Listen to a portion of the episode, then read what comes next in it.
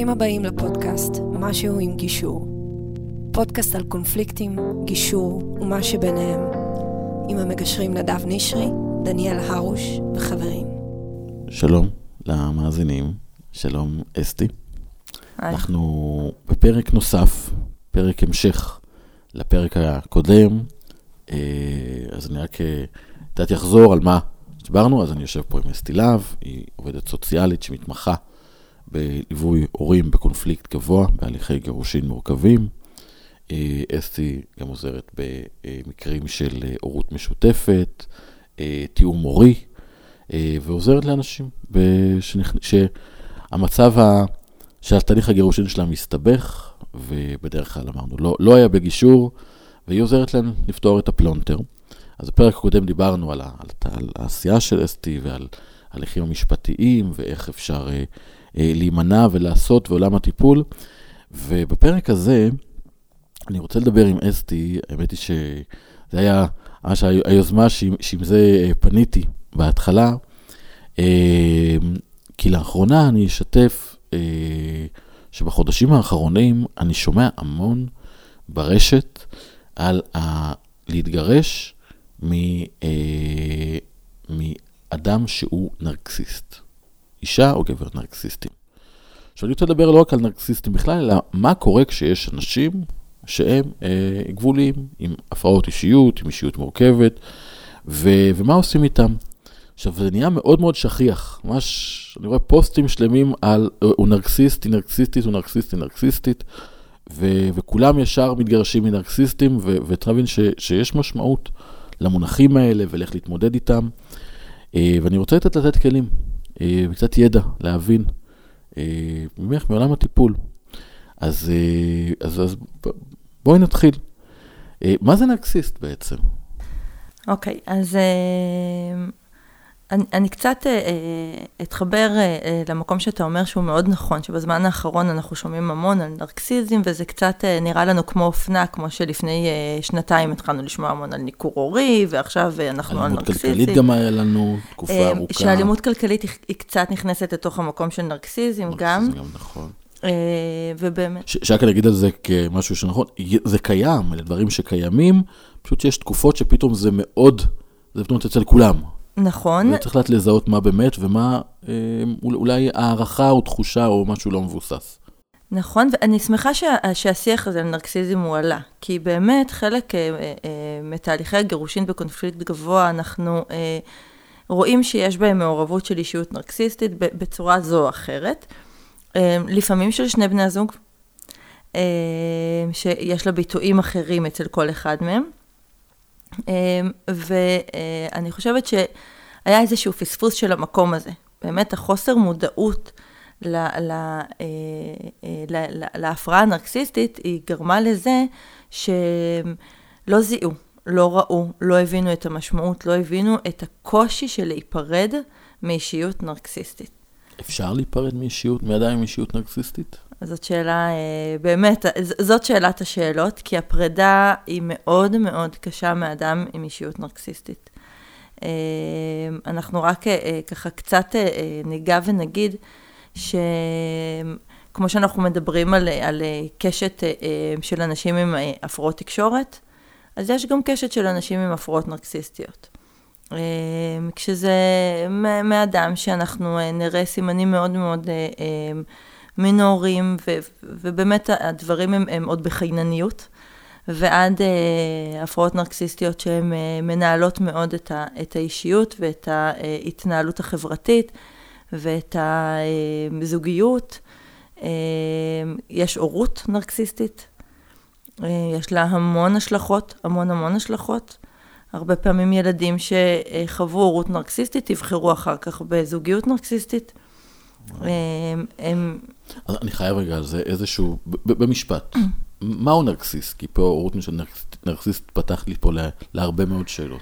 זה בהגדרה כללית כזאת של מהו הנרקסיזם. אה, נרקסיסט, אה, ככה אנחנו נוטים להגיד שהוא בן אדם שמאוהב בעצמו, ככה עם הסיפור של נרקיסט, שהוא הגיע ל... אה, נרקיס מלך הביצה. נכון, שהוא ראה את עצמו והתאהב בעצמו. ו... אז נרקסיסט הוא בן אדם שבדרך כלל הוא לא אוהב לא את עצמו ולא אחרים. אה, זה לא רק שהוא, אנחנו נוטים להגיד שהוא בן אדם שאוהב את עצמו ולא מסוגל להסתכל על אחרים, אז לא, הוא גם את עצמו לא אוהב. אה, הוא בן אדם שהרבה פעמים יש הרבה מאוד חרדות, קשיים שהוא עצמו מתמודד איתם, והדרך שהוא מתמודד איתם היא בצורה שהיא קצת מאמללת את סביבתו. והביטויים של, של, של הדרך הזאת, של ההתמודדות הזאת, היא הרבה פעמים צורך של שליטה באדם האחר בכל דרך שהיא. בגלל זה ככה אני קצת מתחברת למקום שאתה שאלת אם אפשר להיפרד מנרקסיסט. הצורך בשליטה, כשאנחנו מנסים להפריד את הנרקסיסט מהאדם מה, מה, מה, שבו הוא שולט, הוא, הוא נכנס ליותר חרדה, ויש לו יותר ויותר צורך לתגבר את השליטה הזאת ולהזין אותה עוד ועוד, ו, ובאמת פה אנחנו נכנסים לבעיה מאוד מאוד מורכבת של הפרידה מהנרקסיסט. אמ, הצורך בשליטה הוא לא ממקום טוב, הוא ממקום שבמידה והוא לא יהיה בשליטה הזאת, אז משהו בו לא יהיה שלם, משהו בו חסר מאוד להתמודדות היומיומית הכי בסיסית של ההתנהלות שכולנו כאנשים מתנהלים אותה ביומיום. אה, זה... אפשר ל- ל- להתרפא, או להבריא, או אדם שהוא בעל אישיות נרקסיסטית בכזו או אחרת, הוא יכול אה, פתאום להיות לא נרקסיסט? אז אדם שהוא בעל אישיות נרקסיסטית, אה, יתקשה מאוד להגיע לחדר הטיפולים. אה, וכשיתחילו לנגוע בנקודות הכי משמעותיות בטיפול, הוא יעלה מהחדר, בטענה שהצד השני לא מבין, לא רואה, לא יודע. אה, הרבה מאוד אה, אה, התנגדויות סמויות וגלויות. הם קשה לטפל בנרקסיסט, אפשרי, אבל מאוד קשה. ואני גם יכולה, אם ככה, אני תמיד מחוברת מאוד לעולם הילדים. גם כשאנחנו נפגוש בתוך חדרי טיפול ילדים להורים נרקסיסטים, ברגע שהטיפול יתחיל לגעת בנקודות המשמעותיות והנכונות, ההורה הנרקסיסט יפסיק את הטיפול מכל מיני אה, תירוצים וסיבות. אז קשה לטפל בנרקסיזם.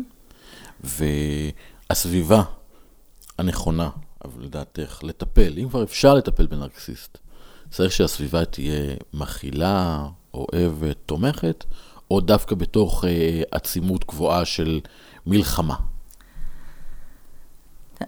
אמ, נרקסיסט מוזן ממלחמה. הוא מוזן ממלחמה. כן. זאת אומרת בעצם, אם הוא בתוך מלחמה, הנרקסיזם עכשיו מתחזק והוא לא נכון, לא ייעלם. נכון. אה.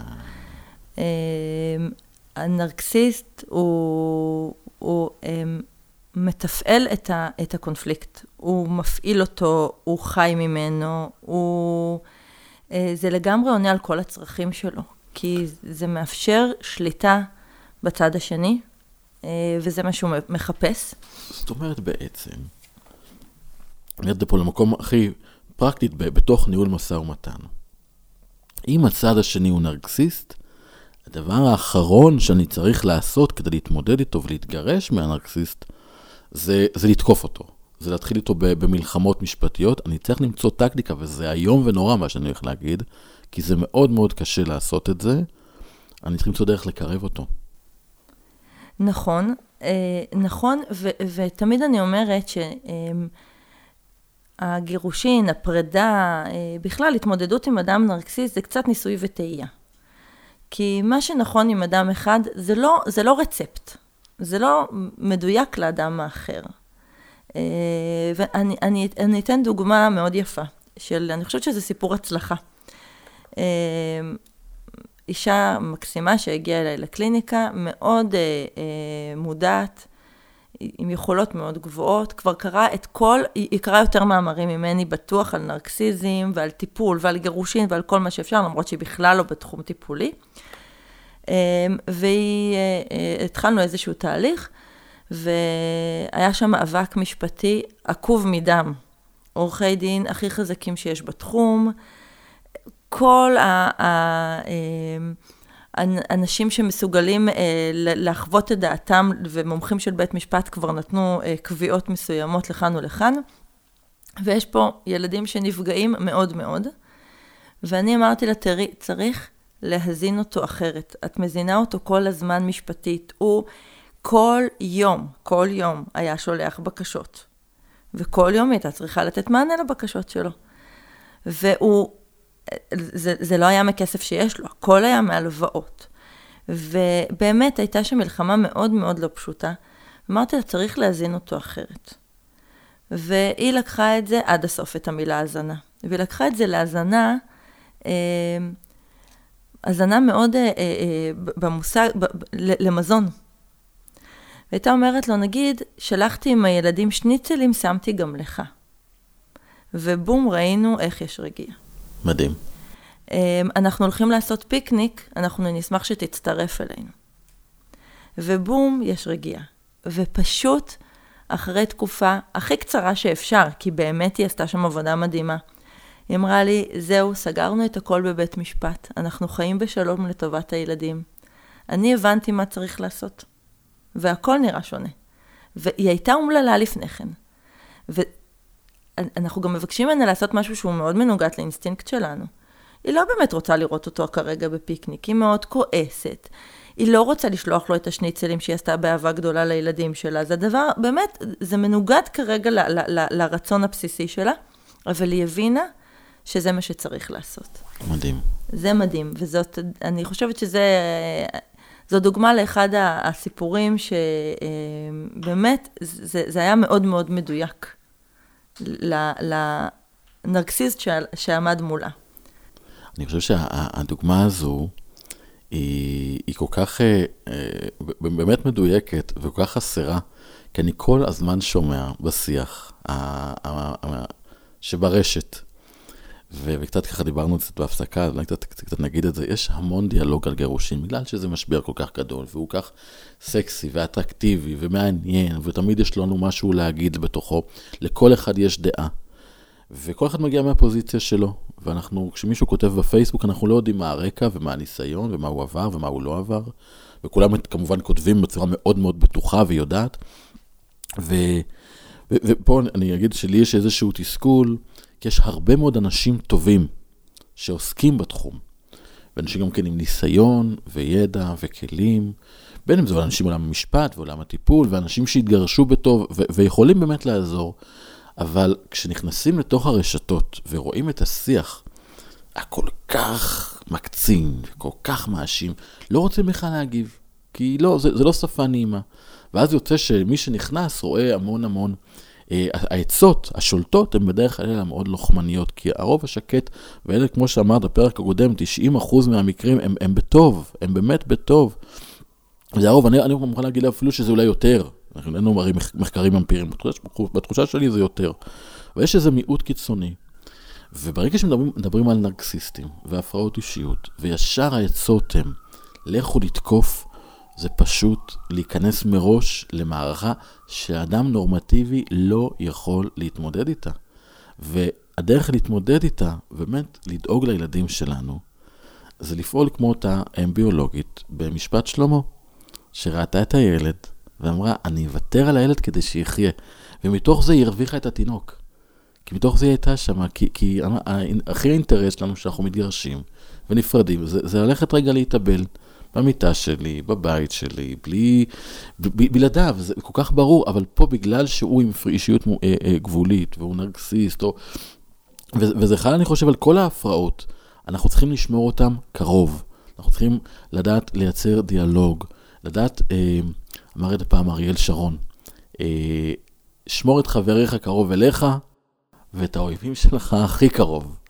ו- וזה כאן, ופה זה ההורה השני של הילדים שלנו. והטקטיקה הזו עם האוכל וההאזנה היא כל כך נכונה. ו... ואז אני חושב, אבל איך אפשר באמת להתמודד עם הדיסוננס הזה, שכל, שאני... אני, אני, אני אדבר רגע, נהיה קצת מגדרי, אבל לצורך הסיפור, אבל, אבל זה עובד לכל הכיוונים. אז זהו, זה, זה ככה, אני, תוך כדי שאנחנו מדברים, אני כתבתי לעצמי שאנחנו צריכים אה, אה, לה, להגיד שנרקסיזם, אנחנו רואים את זה גם אצל הגברים וגם אצל הנשים. אה, יש לנו איזושהי נטייה אה, להשתמש בזה בעיקר במושגים של אה, גבר נרקסיסט והפרידה ממנו. יש, יש גם וגם. יש גם וגם. אנחנו רואים את זה, רואים שלפעמים קשה לראות נשים במקום הזה. זה קשה לנו לפעמים כחברה לעכל את, ה, את המקום הזה שיש אם שבאמת פוגעת בהורה השני בכוונה, או ביכולת, זה, זה המנגנון, או בילדים, אבל זה הכל קיים, ואנשים נכון. הם לפעמים עושים, ו- וזה קשה לראות את זה, אבל זה לא מגדרי. זה לא אבל... לא מגדרי, וגם אנחנו צריכים להגיד שגם הפגיעה היא, זה לא שהאדם קם בבוקר ואומר, היום אני אפגע בילדים שלי. כתוצאה מההתנהלות הבלתי נשלטת שלו, הוא פוגע בילדים שלו. נכון. אין להם כוונה רעה. בואו נכון. נגיד את זה, באמת, הם באמת אנשים במצוקה.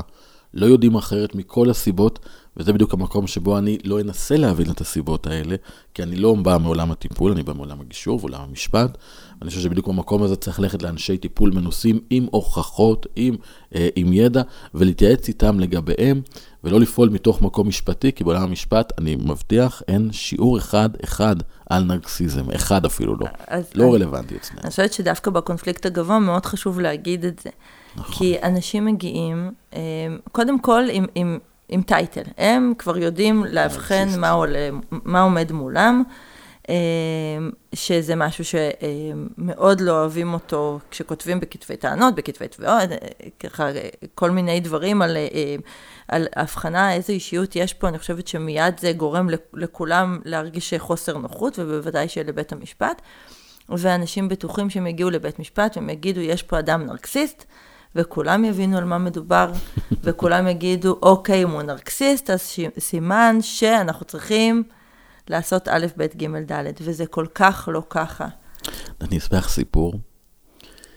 אה, אספר לי איזה עורך דין, שמתמחה בנרקסיסטים. שמעתי, יצאתי לשמוע את הסיפור הזה, שהגיע לקוחה, סיפרה את הסיפור. עכשיו, מי שמגיע לספר לעורך הדין את הסיפור שלו, כבר יודע גם, הוא כבר קרא המון באינטרנט. ואמר, זה תסמינים של נרקסיזם, והוא יתנהג ככה, והוא לא רואה אותי, ותתתה ותתתה. ואז הוא אומר, טוב, כמה יעלה כל הסיפור הזה? עכשיו, כשאתה בא לייעוץ, אתה גם בעצם פורס את הנכסים שיש. זאת אומרת, עורך הדין, לפני שהוא יודע כמה כסף אה, יעלה שכר הטרחה, הוא גם יודע מה יש. הוא יודע כמה נכסים וכמה כספים. ואז הוא אומר לה, אה, תראי, זה נרקסיזם, זה קשה, זה מורכב, 200 אלף שקל. וזה זה להתחיל. והוציאה צ'ק 200 אלף שקל במקום. ככה, ככה לפעמים מתחילים, ואז מהמקומות האלה, איך תתחילי. ו- ואני רוצה דווקא, לפני שעושים את הצעדים הראשונים האלה, אז לצורך העניין, אני באמת, אה, והוא מאובחן, אה, יש לי, אה, ההורה השני הוא נרקסיסט. מה אני צריך, צריכה לעשות? איך אני עכשיו צריכה להתחיל להכין את הקרקע, להתנהל, כדי שאני באמת אוכל לחיות. אז אני, אני אגיד פה את הדבר הכי... אה, אני, אני אומרת פה שני דברים. אחד זה שלפעמים אנחנו נגררים למערכות משפטיות בעל כורחנו. ולפעמים זאת אופציה שאין מה לעשות וצריך לעשות אותה, בסדר? זה לא שמי שעכשיו נגרר לאיזושהי מערכת משפטית צריך להרגיש שהוא לא בסדר עם זה, כי לפעמים ז, זאת המציאות. יש לי טיפה מחלוקת עם זה. הנה מצאנו איזשהו מקום שאנחנו אולי טיפה לא מסכימים. הנה מצאנו, תמיד אני, אני, אני כמגשר, אני, הנה, יש את הקונפליקט, בוא נצמח ממנו. מצוין. אני מוכן לקבל את זה, שיש אה, מקרים שאלימות קשה, ו, ו, ו, ו, ובאמת, ש, ש, שבאמת אין, אין לו את הברירה, חייבים פה להגיב משפטית. הבעיה היא שהיום האצבע יותר מדי קלה על נכון, ההדק. נכון. ממש קלה. נכון, אבל לעתים אם אתה תקבל עכשיו כתב תביעה, לא תהיה לך שום ברירה, אלא להגיב על כתב התביעה, אז אני מוכן גם לדבר גם על זה. כי בי שקיבלתי, א', יש איך אני מגיב. נכון, או, אז שזה... על זה אנחנו יכולים לעשות פודקאסט בפני עצמו, אז הנה, נעשה על זה עוד פרק, על איך אני מגיב. בוא נדבר גם על זה. כי אנשים נוטים להגיב אה, ישר בהתקפה, הוא התקיף אותי, אז אני אתקף. זה לא. באומנות לחימה אנחנו לומדים, ההתקפה, ת, תפנה את האנרגיה למקום אחר, אל תבוא כוח מול כוח. נכון. ואני יכול לדבר עם סבא, ואני יכול לדבר עם סבתא, ואני יכול לדבר עם העבודה, ועם חברים, ולשלוח תמונות, ולדבר עם ההורה השני. זה שהוא תקף לא אומר שהאופציה היחידה שיש לי היא בית משפט. ואנשים נוטים לחשוב שברגע שהתחילה המלחמה אין דרכים אחרות, וזה פשוט לא נכון. זה פשוט, לא, זה להפקיע מידינו את המון המון כלים שאנחנו יכולים להשתמש בהם. ואנשים בכלל לא, לא, לא משתמשים בהם. אומרים לי, ניסינו הכל. ואז כשדיברת איתי, זה בפייסבוק האלה. דיברתי, לא, נו, אז לא ניסית הכל. אז יש, אולי, אולי אני יכול לעזור לך. אולי אסתי יכולה לעזור לך. אולי דניאל, אולי נוגה, אולי יש עוד אנשים שיכולים לעזור לך. ניסית לדבר איתם? ולשם רצים לתבוע.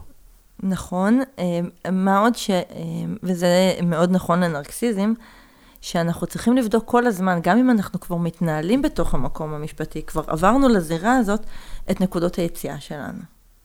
כי יש נקודות יציאה. Okay. אוקיי. לפעמים הצד השני, פתאום אנחנו מרגישים איזושהי חמלה, פתאום אנחנו מרגישים משהו קצת משתנה, משהו ב... לפעמים פתאום קיבלנו איזושהי החלטה שהיא מאוד מאוד אה, אה, אה, העמידה אותנו במקום. פתאום היא מאוד החלישה צד אחד וחיזקה צד אחר, ודווקא זאת, זו, זה, זה, זה, זה המקום. אפילו אם, אם מישהי מתמודדת עם אדם נרקסיסט, והיא קיבלה איזושהי החלטה שכביכול היא מאוד מאוד לא טובה לה, יכול להיות שזאת הנקודה שאנחנו יכולים להגיע בה למשא ומתן. אה, אז וב... במקום הזה, ברגע שיש הזדמנות של בואו, כל הזמן, בכלל, במשא ומתן תמיד, תמיד, תמיד מושיטים יד לשלום. הרעיון הזה שישר לתקוף וכל הזמן לתקוף, עד, שהוא, עד שנייבש אותו ונהרוג אותו, זה לא קורה. צריך תמיד להושיט יד לשלום, להגיד לו, אני, אנחנו קוראים לזה במשא ומתן מידה כנגד מידה. מצד אחד תושיט את היד, תגיד על כל מעשה טוב, אני, אני מגיב בטוב.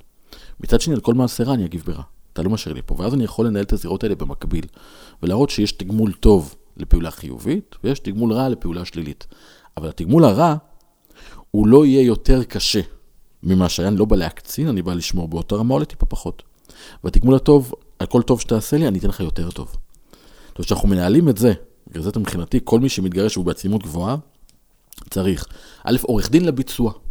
אבל עורך דין שהוא ביצועיסט, הוא לא מנהל את האסטרטגיה, כי לעורכי דין אין את הכלים האלה, יש לזה עולם הטיפול. שנית, זה מישהו מעולם הטיפול, שיעזור לנהל את האסטרטגיה ולהבין את הלך הרוח הנפשי והרגשי שקורה מסביב, ולדעת לנסח גם את הדברים ואת האווירה ואת ההוויה, איך הדברים יעברו לצד השני. בכלל, בכל ההתכתבות של וואטסאפ וטלפונים ומחשבים. אנחנו נדבר עוד מעט עם נרקסיזם, כי זה בדיוק הטיפול הכי משמעותי. בדיוק. וגם מגשר. אני חושב, בתוך המקום הזה של הניהול המשא ומתן, זה צוות נפלא לנרקסיסט. ואני בטוח אבל השאלה, איך אני עכשיו מתחיל, אני רוצה להתגרש. אני שומעת עכשיו את נדב ואת אסתי. מה אני עושה? מה אני אוקיי. עושה? אז אה, באמת, השלב הראשון זה, כמובן שצריך להיות איזשהו שיח, והרבה פעמים אנחנו נשמע הרבה התנגדות, כי נרקסיסטים, נרקסיסטים הם, אה, אחד מהדברים שהם עושים זה הם נותנים תקווה. הם כל הזמן נותנים תקווה מה יהיה הלאה. אנחנו נטוס בקיץ לחו"ל, ואת, ואת חושבת, וואו, פתאום אנחנו נטוס לחו"ל, והכל יראה אחרת, ואנחנו אה, פנינו למשהו חדש, ו, ו, וזה נראה הכל הולך, הולך להיות אחרת, הכל הולך להיות טוב, עכשיו הדברים השתנו. ו, וכשאנחנו אומרים שאנחנו רוצים לקטוע את זה, אז למעשה אנחנו לא מאפשרים יותר שום תקווה, ואנחנו אה, קוטעים פה משהו מאוד משמעותי עבור כולם, אבל עבור הנרקסיסט בעיקר. אה, וכל הפרידה היא נורא אה, מפחידה. אה, ככה, מה שדיברנו בהתחלה, כל, המקום שלה להיפרד ולא להישען יותר על הצד השני, הוא מתחיל להיות מאוד, מאוד מלחיץ ומאוד מפחיד. אז קודם כל, ככה אנחנו משנים, אנחנו משנים את, קצת את המינוחים. אנחנו עושים את זה קצת יותר רך. אנחנו משנים את ה... אה, אמ, המשפחה שלנו תעבור איזשהו שינוי. אנחנו נראה איך נתמודד בתוך השינוי הזה. לא, אתה תלך לצד שלך, אני אלך לצד שלי, ואנחנו לא נדבר יותר, ושזה נורא נורא מפחיד. אלא משהו שהוא קצת יותר רך. איש מקצוע בתמונה, זה חובה. חובה. חובה, חובה. חובה, איש טיפול, מנוסה, מקצועי, לא מישהו שאומר ש... שהיה לו ניסיון, לא מישהו שהתגרשה והת... מנרקסיסט, או התגרש מנרקסיסטית ועכשיו הוא מטפל. פה צריך מישהו נכון. שמתמחה בנושא ומבין על מה מדובר. מישהו שמבין בנרקסיזם ומישהו שמבין בגירושין.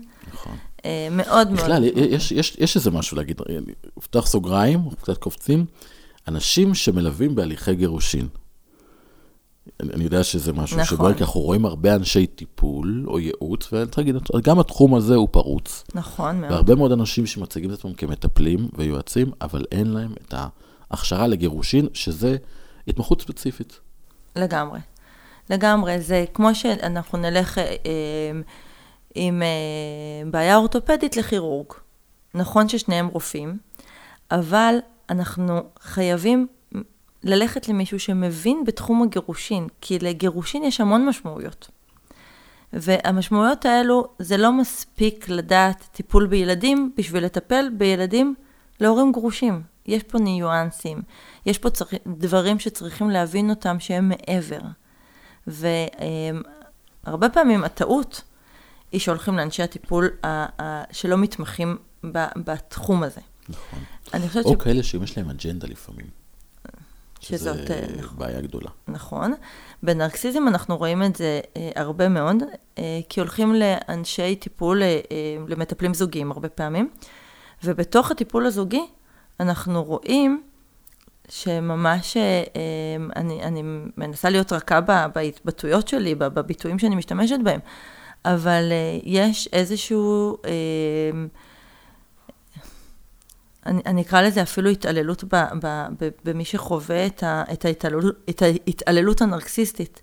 אז כשלא מבינים את הניואנסים, הוא חווה איזושהי התעללות גם בתוך הטיפול.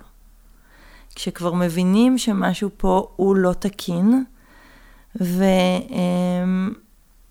כל מיני עצות מאוד לא מותאמות סיטואציה. ובאמת הרבה פעמים מי שחווה התעללות, אנחנו קוראים לזה התעללות, אבל מי שחי עם אדם נרקסיסט, הוא חווה מצוקה מאוד מאוד גדולה שאפשר מאוד בקלות להגביר אותה. כשהולכים למקומות הלא נכונים. אז כשאנחנו באים להתגרש, אני חושבת שאחד הדברים שצריך להבין, שהנקודה הראשונה של המשא ומתן היא הנקודה הכי טובה. ממנה תהיה הידרדרות. כי כשהנרקסיסט מוכן לדברים מסוימים, אנחנו נראה שהוא יגביר ויגביר את הדרישות שלו ככל שהקונפליקט הולך ומקצין. ואני חושבת שאחד המשפטים שאני שומעת הכי הרבה, איך לא סגרתי איתו לפני שנתיים את ההסכם, כשהוא הסכים לאלף, בית, ג'. ובתוך המקום הזה אנחנו צריכים להגיד שההתנהלות עם, עם, עם הנרקסיסט היא כל כך חלק משגרת החיים של הבן זוג שלו, של הבת זוג שלו, שהיא לא ידעה להבחין את זה, לאבחן את זה בזמן ולעצור. ופה אנחנו גם נכנסים למקום של להיות מודעת בעצמך. לתת לעצמך את המקום הטיפולי שלך. לפני כתב התביעה שרצת ושלחת. לתת הרבה לעצמך... הרבה הרבה לפני. הרבה הרבה לפני. לתת לעצמך את המקום להבין באיזה מערכת זוגית נמצאים. לתת לעצמך את המקום להבין באיזה מערכת זוגית את נמצאת, אתה נמצא. מה קורה בה? איך אתה מרגיש בתוכה? איך אפשר גם אחרת? כי אי אפשר באמת, בואו נגיד את זה בצורה אולי, אני אגיד את זה הכי קשה. אי אפשר באמת להתגרש אה, ולהיפרד מנרקסיסטים. נכון. הם תמיד יהיו שם. השאלה היא רק לא, אה, מה, השאלה היא לא אם הם יהיו או לא, כי אז גם אם לא יהיו, הם לא יהיו בני הזוג שלנו, השאלה היא איזה מרחק יהיה. וכמה שהמרחק בינינו יהיה יותר גדול, יהיה לנו יותר קשה. כמה שהם יהיו יותר קרובים, יהיה לנו יותר קל. וכמה שאנחנו נדע יותר לנהל את הסיטואציה הזו. ולשמור אותם קרוב, ו... ולהיות חברים שלהם, ולתת להם את ההערכה והכבוד וה... הזאת שהוא, שהוא מקבל כש... כשאנשים מריעים לו, ואומרים לו כל הכבוד, כי זה, זה ההגדרה שלו, ככה הוא מגדיר את עצמו, אז יהיה, אז יהיה לנו יותר קל להתנהל. כי גירושין זה לא, זה לא סוף, זה התחלה. ואיתם נכון. זה הכי, באמת הכי מורכב. בכלל אנשים שיש להם הפרעות אישיות, אני יכול גם להגיד את זה גם בכלל אנשים שיש להם נכויות. אם ההורה השני הוא נכה, הוא מוגבל, אה, הוא מוגבל גם פיזית, אנחנו צריכים להישאר קרובים, כי אין מה לעשות, יש לנו איתו ילדים. ואנחנו צריכים לוודא, לא בזמני השהייה שלנו שהילדים שלנו הם, אה, הם בסדר. אנחנו רוצים וצריכים לוודא ש-100% מהזמן הילדים שלנו בסדר. ובגלל זה חייבים לעבוד בשיתוף פעולה עם ההורה השני. נכון, אני, אני חושבת שאולי אה, ככה דברים שמאוד ברורים לנו, לא ברורים למי ששומע אותנו. אוקיי. Okay. אמ, כי כשאנחנו uh, באים להתגרש ואנחנו uh, מבינים שאנחנו נמצאים בתוך מערכת יחסים שהיא לא תקינה, ואנחנו עדיין לא מבינים מהי, mm-hmm. ואנחנו מתחילים לפעול בתהליך הגירושין ולראות את כל ה, לכל הכיוונים את מה, את מה שהרגילו אותנו לראות. Um, אנחנו, אנחנו נשאבים למקומות מאוד לא נכונים, ואנחנו פועלים מאוד לא נכון, ואנחנו עושים טעויות שאפשר היה להימנע מהם, אם היינו רגע לפני מבינים במה אנחנו נמצאים. איפה, איפה, לה, להכיר את הסביבה שלנו. נכון.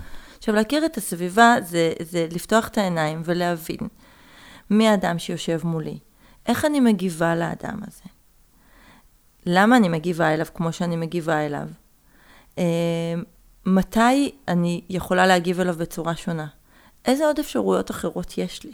יפה. זאת אומרת, להבין את, ה- את, את, ה- את העולם, לא רק הזווית המשפטית, תמיד רצים בגירושין לזווית המשפטית. נכון.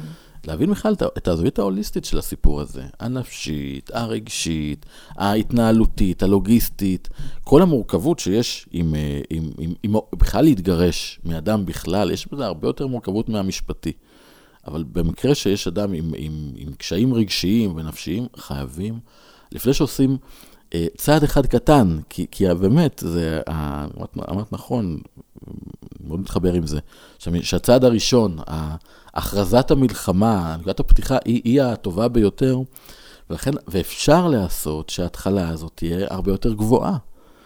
וצריך לבנות את זה, וזה קשה מאוד. זה בעצם אומר שאדם שרוצה להתגרש, ובדרך כלל יש שנה, שנתיים, עד שהוא מחליט שהוא רוצה להתגרש, או רוצה כמובן, ואז בא כשהוא בשל להגיד את זה להורה השני, דווקא בנקודה הזו, אתה יכול יותר לנשום, נכון. נקודה הזאת, ואז עוד יותר עכשיו תקופה שיכול להיות שהיא תימשך חודשים, אולי גם שנים, כי, ויכול להיות שתימשך עד שהקטן יהיה בן 18, באמת, יש כל כך הרבה מורכבות, אני אגיד את זה עם הרבה פסימיות, אבל אין אפשרות אחרת, כי להיכנס עם אדם כזה למערכה משפטית, אתם תפסידו. זה מאוד מורכב להיכנס עם אה, אדם נרקסיסט. ואולי ינצחו משפטית, אולי ינצחו משפטית, אבל יפסידו על, את, את כל הכסף. יפסידו, אה, הפגיעה לילדים תהיה ענקית, המאבק יהיה אדיר, זה יפגע להם בעבודה ובחיים הפרטיים ובזוגיות חדשה. זה פשוט להפסיד. ולכן חייבים לדעת לנשום בדבר וללכת לאנשי טיפול שילוו אותם, שמבינים את הדבר הזה.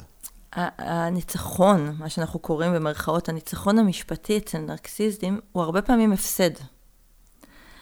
אמ. ואנחנו צריכים להבין ש, שזה שזה כתוב על הדף, שהילדים יהיו אצלו כרגע פחות ממה שאני חשבתי שהוא צריך לקחת אותם, והמאבק היה כזה וכזה, בחיים האמיתיים, הנרקסיסט הוא כביכול ינצח. מה זה ינצח אותנו? אנחנו נרגיש שהוא פוגע בכל מיני תחומי חיים שלנו, וכשאנחנו מגיעים למצבים שהנרקסיסט הוא במצוקה, או שבאמת הוא בן אדם שבתוך הספקטרום הזה, הוא נמצא בקצה קצת יותר אה, פגיע, אז זה יהיה על חשבון הילדים.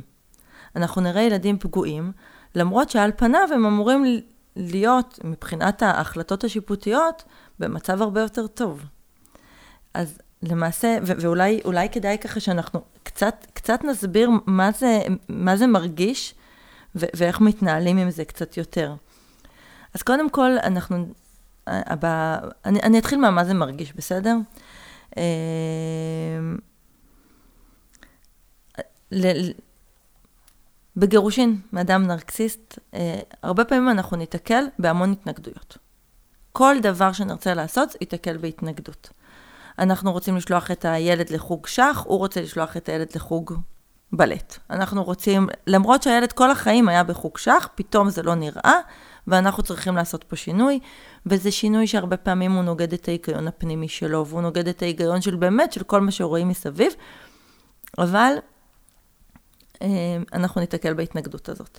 עכשיו, נניח שפנינו לבית משפט, ובית משפט אמר, הילד ימשיך בחוג שח שלו. הילד יקבל כל כך הרבה מסרים שליליים על החוג, על החוג הזה. הוא אולי ייגע בשח יותר. שאנחנו לא הרווחנו פה שום דבר, ההפך אנחנו הפסדנו. עכשיו, לדוגמה, והילד הפסיד. הילד. הפסיד, בוודאי. תמיד כש, ככה, כשאני אומרת הפסדנו, תמיד זה, זה מאוד מחובר למקום של הילד, אבל נכון, צריך להפריד ולהגיד שמי שהפסיד פה זה הילד. וככל ש...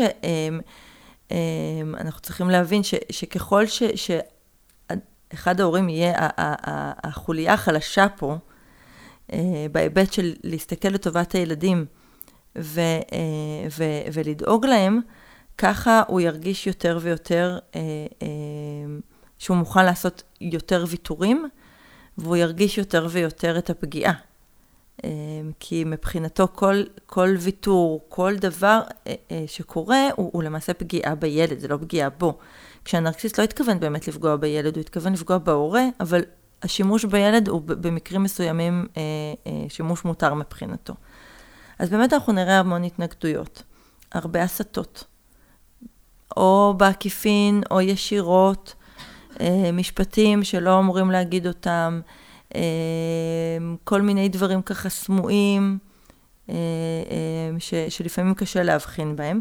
לא שכל הורה מסית הוא הורה נרקסיסט, אנחנו כמובן, או הורה מתנגד הוא מיד הורה נרקסיסט, הכל אנחנו שמים פה באיזושהי, אה, ככה אנחנו מנסים לתת איזה שהן הגדרות כלליות, בלי הבחנות שאנחנו עושים לאנשים.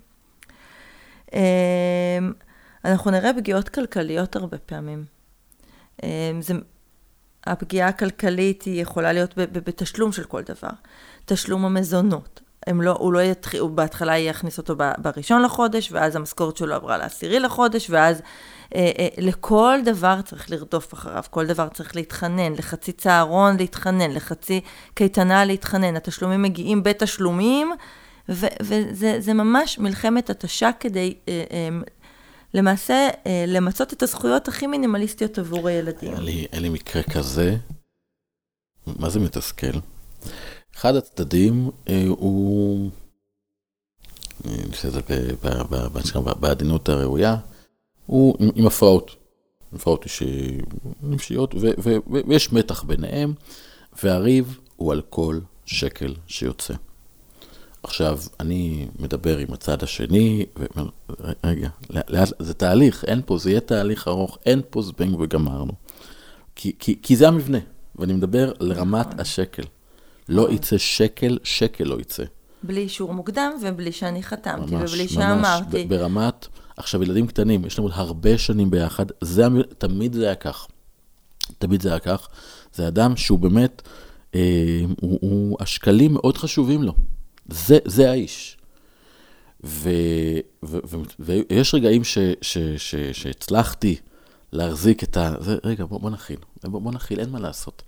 העלות זה, זה שקל, בכל זאת זה שקל, וצריך להביא לשיתוף פעולה ודיאלוג, אין דרך אחרת.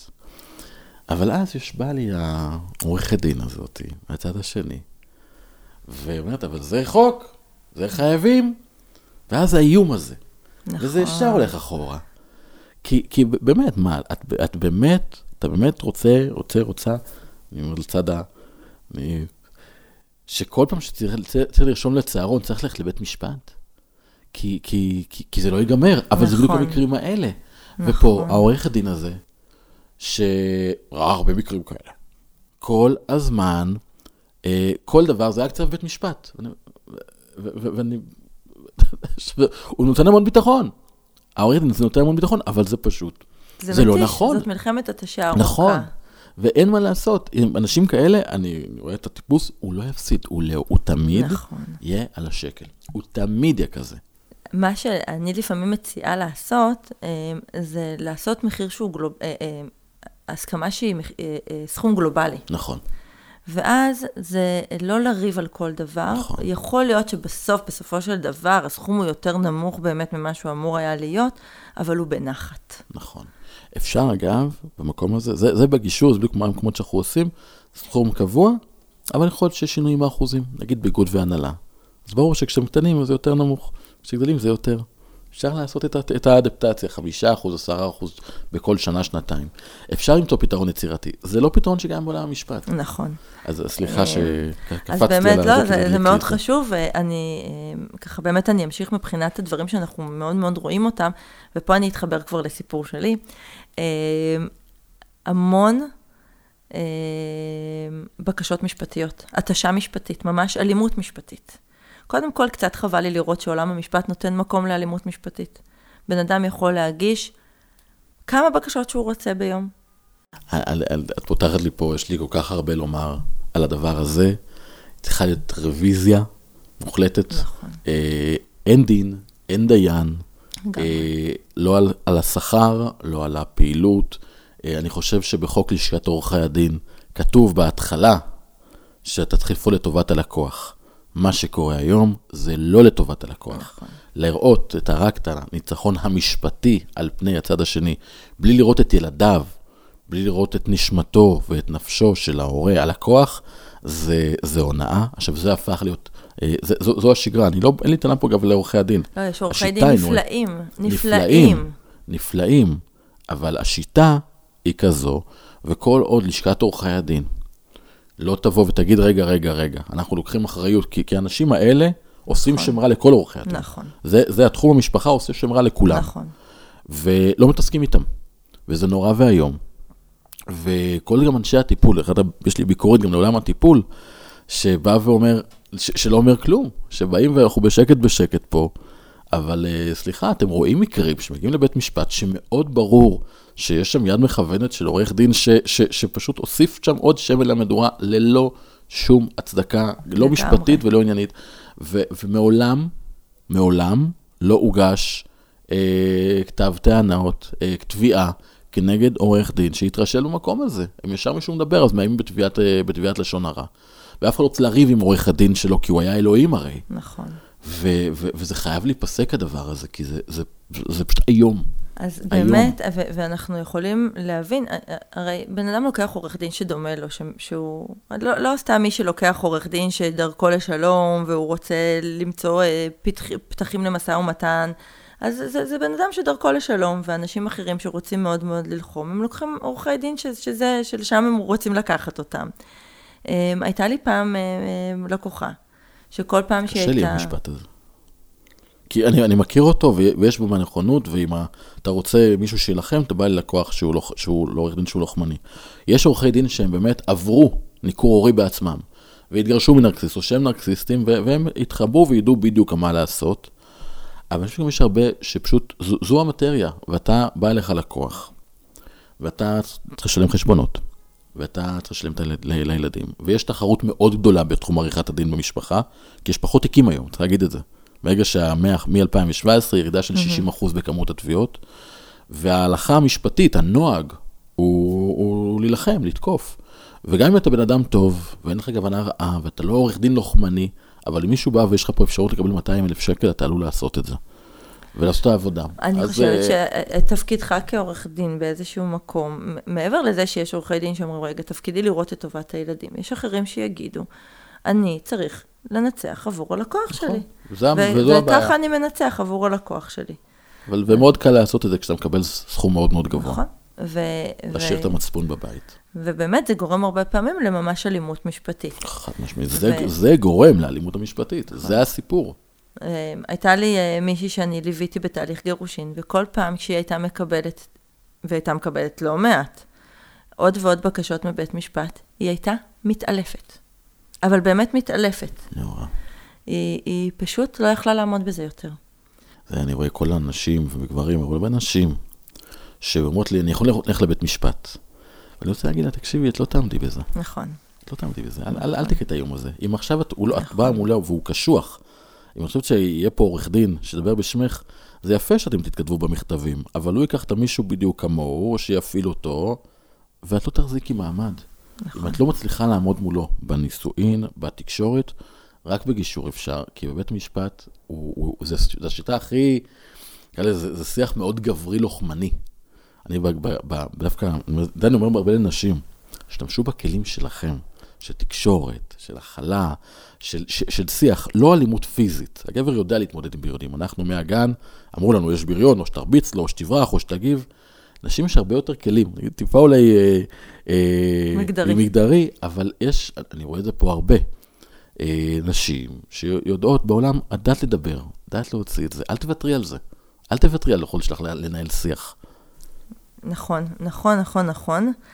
אמ, ככה, אני, אני קצת אה, אה, אמשיך ואני אגיד מה, מה אנחנו עוד אה, רואים הרבה פעמים בגירושין, בפרדות מאנשים מורכבים שכאלו, הרבה הכפשות. המון המון הכפשות. הכפשות אצל עורכי הדין, כתבי תביעה, הגנה, שממש קשה לקרוא אותם מההכפשות שלהם. הכפשות אצל אנשי הטיפול, אצל אנשי החינוך. ממש, אנחנו, השחרה, ממש השחרה של הצד השני. אה, עוד דבר, אה, יש איזושהי תחושה שהצד השני כל הזמן נוכח בחיים שלך.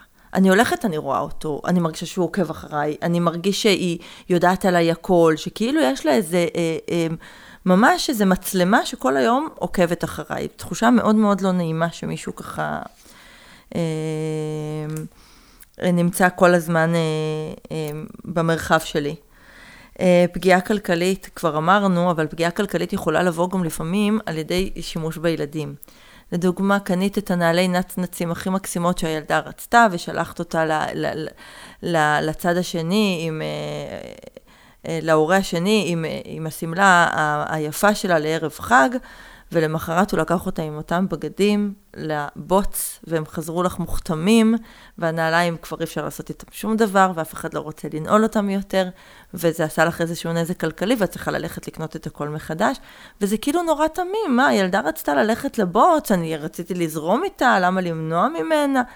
שזה באיזשהו מקום, אנחנו כולנו יודעים שזה היה מאוד מכוון, אה, לשלוח את הילדים אה, עם לבוש לא מתאים. לשלוח אותם לבית ספר עם חולצה קצרה כשיורד גשם, וככה לגרום לצד השני לאיזה קווץ' משמעותי על כמה הם מטופלים או לא מטופלים שם. כשיש פה אה, אה, באמת הרצון לגרום לצד השני להרגיש כל כך רע עם עצמו, גם על חשבון הפגיעה בילדים. אין לי מילים להגיד על זה. אה, לצערי, אלה דברים ש, שמגיעים. רואים את זה הרבה. עוד דבר שאנחנו רואים זה, זה לצמצם לצד השני את הזמן בצורה הכי מתוחכמת. יש, לי, יש לנו פקקים, אנחנו חוזרים עכשיו מהצפון, יש לנו פקקים, הם יחזרו אה, בשלוש שעות איחור. אה, להגיד לילדים, אה, אה, בפסח כשאתם תהיו אצלי, אנחנו ניסע לאילת. ואז הצד השני יגיד, אבל איך תיסעו לאילת? אנחנו חילקנו את הזמן שלנו יומיים יומיים. אז תגיד לילדים שאתה לא לוקח אותם לאילת, אה, שאני, שבגללך הם לא יוכלו להיות באילת, ואז למעשה להכריח בכפייה את הצד השני אה, לתת יותר זמן עם הילדים, זה, זה מתוך רצון לצמצם את הזמן, אה, את הזמן אה, שהות להורה השני עם הילדים. זה לא קל להיות במקומות האלו. זה נורא. זה נורא, אין לי מה להגיד, זה פשוט זה נורא. זה מאוד מחליש. זה הרבה פעמים גורם להורה להיראות מאוד לא טוב מול הילדים שלו. אה, בסופו של דבר זה גם פוגע בהם, כי זה מאוד ישפיע על הבחירות העתידיות שלהם בבני ובנות הזוג שלהם. נכון. אה, אור, ילדים לא צריכים הורה חלש והורה חזק, הם צריכים שני הורים חזקים. אה, וזה מאוד, זאת פגיעה נפשית מאוד, מאוד מאוד קשה בילדים. אני, אוקיי, יש, יש לי משהו לסיכום לומר על זה, ואני אתן לך. אני רוצה לתת להם איזושהי תקווה אבל, איזשהו איחול, איזושהי... כי אנחנו מדברים פה באמת על סיטואציה באמת, אני חושב, הכי מורכבת. בעולם הגירושין, להתגרש מאדם עם, עם אופי, עם אישיות אה, אה, רגשית, נפשית, מורכבת, בין אם זה נרקסיסט ובין אם זה אישיות גבולית, או בכל הספקטרום הזה, זה הכי קשה ואנחנו מבינים שבעולם הטיפול ולקרב אותם, אני מסכים בואו נקרב אותם, בואו נעזר באנשי טיפול. צריך לדעת ממש לכתוב את ה-SMSים ואת הוואטסאפים, נכון. ממש לנסח אותם מאוד מאוד נכון.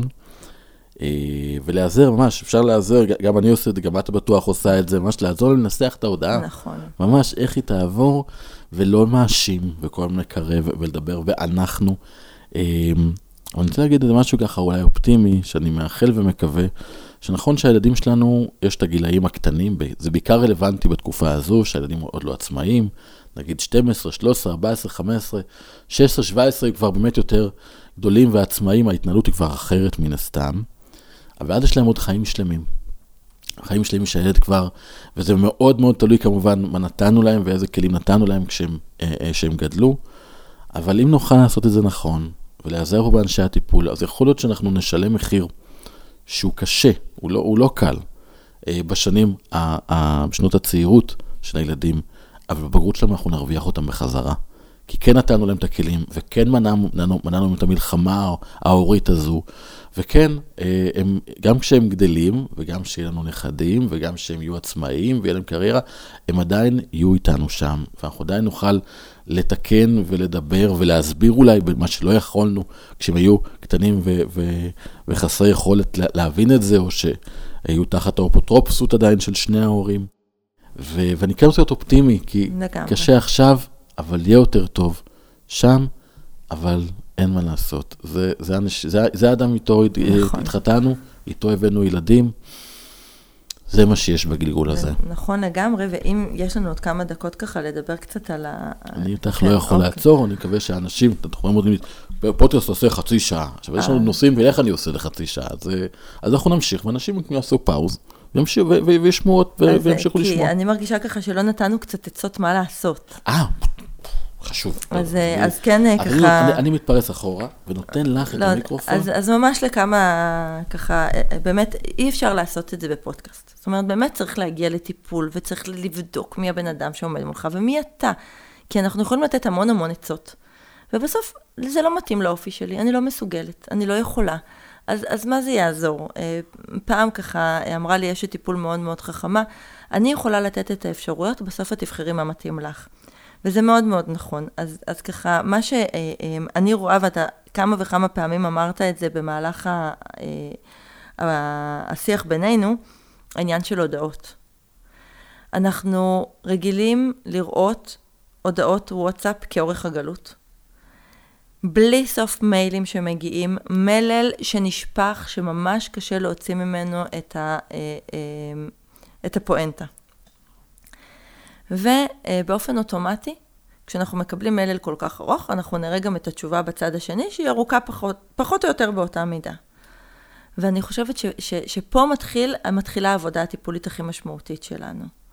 לא צריך להגיב על כל מה שכתוב שם. נכון. תורידו את האבים הכחולים. לגמרי. תורידו אותם. לגמרי. אני אומרת, בכל מה שרשום, בסופו של דבר, יש פה שאלה אחת.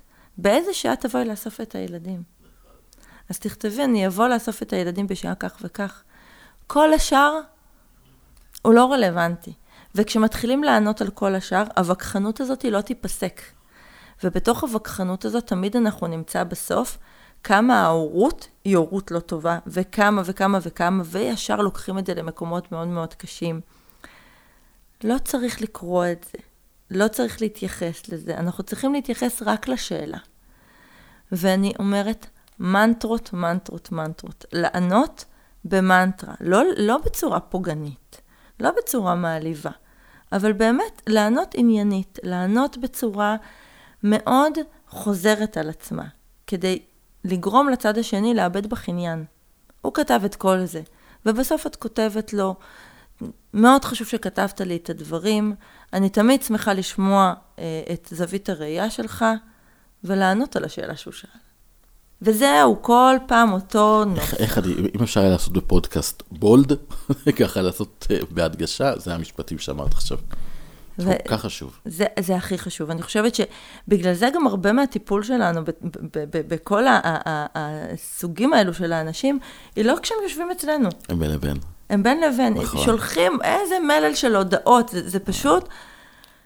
לא צריך, לא צריך להתייחס לכל נכון. מה שכתוב שם, כל פעם, עם אותה מנטרה. יש לי קבוצות הרי עם הזוגות שלי. יש כאלה שגם שנים אחרי. וואו. כן, אני לא סוגר קבוצות, אין לי לב לעשות את זה. וואו. ושנים אחרי, והם רק, רק מדברים דרכי, שמה. ויש לפעמים, גם בתוך התהליך, זה קורה שמש...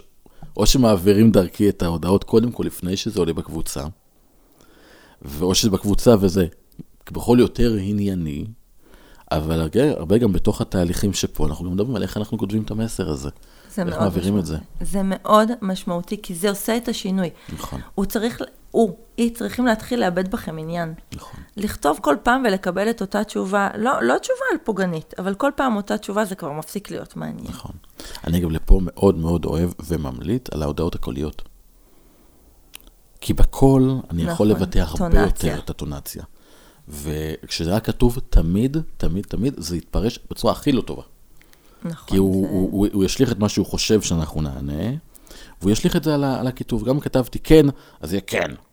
זה לא יהיה כן שהתכוונתי. אבל אם אני אומר את זה, אז זה כבר יהיה יותר טוב. אבל זה צריך לעשות את זה באמת, כי אי אפשר, לפ... מי שלא יודע לעשות את הפייק בקול, אז, אז לא יכול לעשות את זה, אז עדיף שיכתוב. אבל, אבל יש כל כך הרבה אפשרות, חוץ מהטקסט, ה, ה, רק את המילה הזו, וצריך לעשות את זה נכון, אבל זה, זה, זה קריטי. זה קריטי, וכשהיינו ילדים, לימדו אותנו לספור עד עשר עד שאנחנו מגיבים. אז אני אומרת פה לא לספור עד עשר, אלא הרבה יותר מזה. ואם אפשר לשלוח לאיש טיפול, לקרוב, למישהו שמאוד מאוד סומכים עליו את ההודעה לפני שמגיבים. זה כל כך חשוב. זה משנה את כל המשך ההשתלשלות, ה- ה- ה- ה- באמת, זה, זה לא, זה, זה, אי אפשר להסביר כמה אפשר להידרדר. אה, ו- ופה אני חושבת שזה באמת אה, אחד הדברים הכי משמעותיים. בלי ויכוחים. זה לא יעיל. זה מתיש. אה, כמה שאפשר לתת לצד השני שיתוף. לא רשמתי את הילד ל... לא. אנחנו מתקרבים לקראת כך וכך, צריך לרשום את הילד, מה דעתך? עכשיו, אם יש וכחנות, בואי תתני לצד השני להגיד, יכול להיות שהוא יגיד את מה שאת חושבת, אבל הוא יגיד את זה. יפה. מי מאיתנו רושם? ממש, לפרק את זה לפרטים קטנים ולשאול. תן, ת, אתה תנהל את זה. לגמרי. מעולה. ויש קושי, מעולה. פה יש תיאום מורי, יש גישור, יש הדרכה. מעולה. אני לא, לא, לא מצליחים, בוא נלך, תבחר עם מי. לגמרי. תבחר עם מי, מה אתה משנה? מאוד מאוד נכון.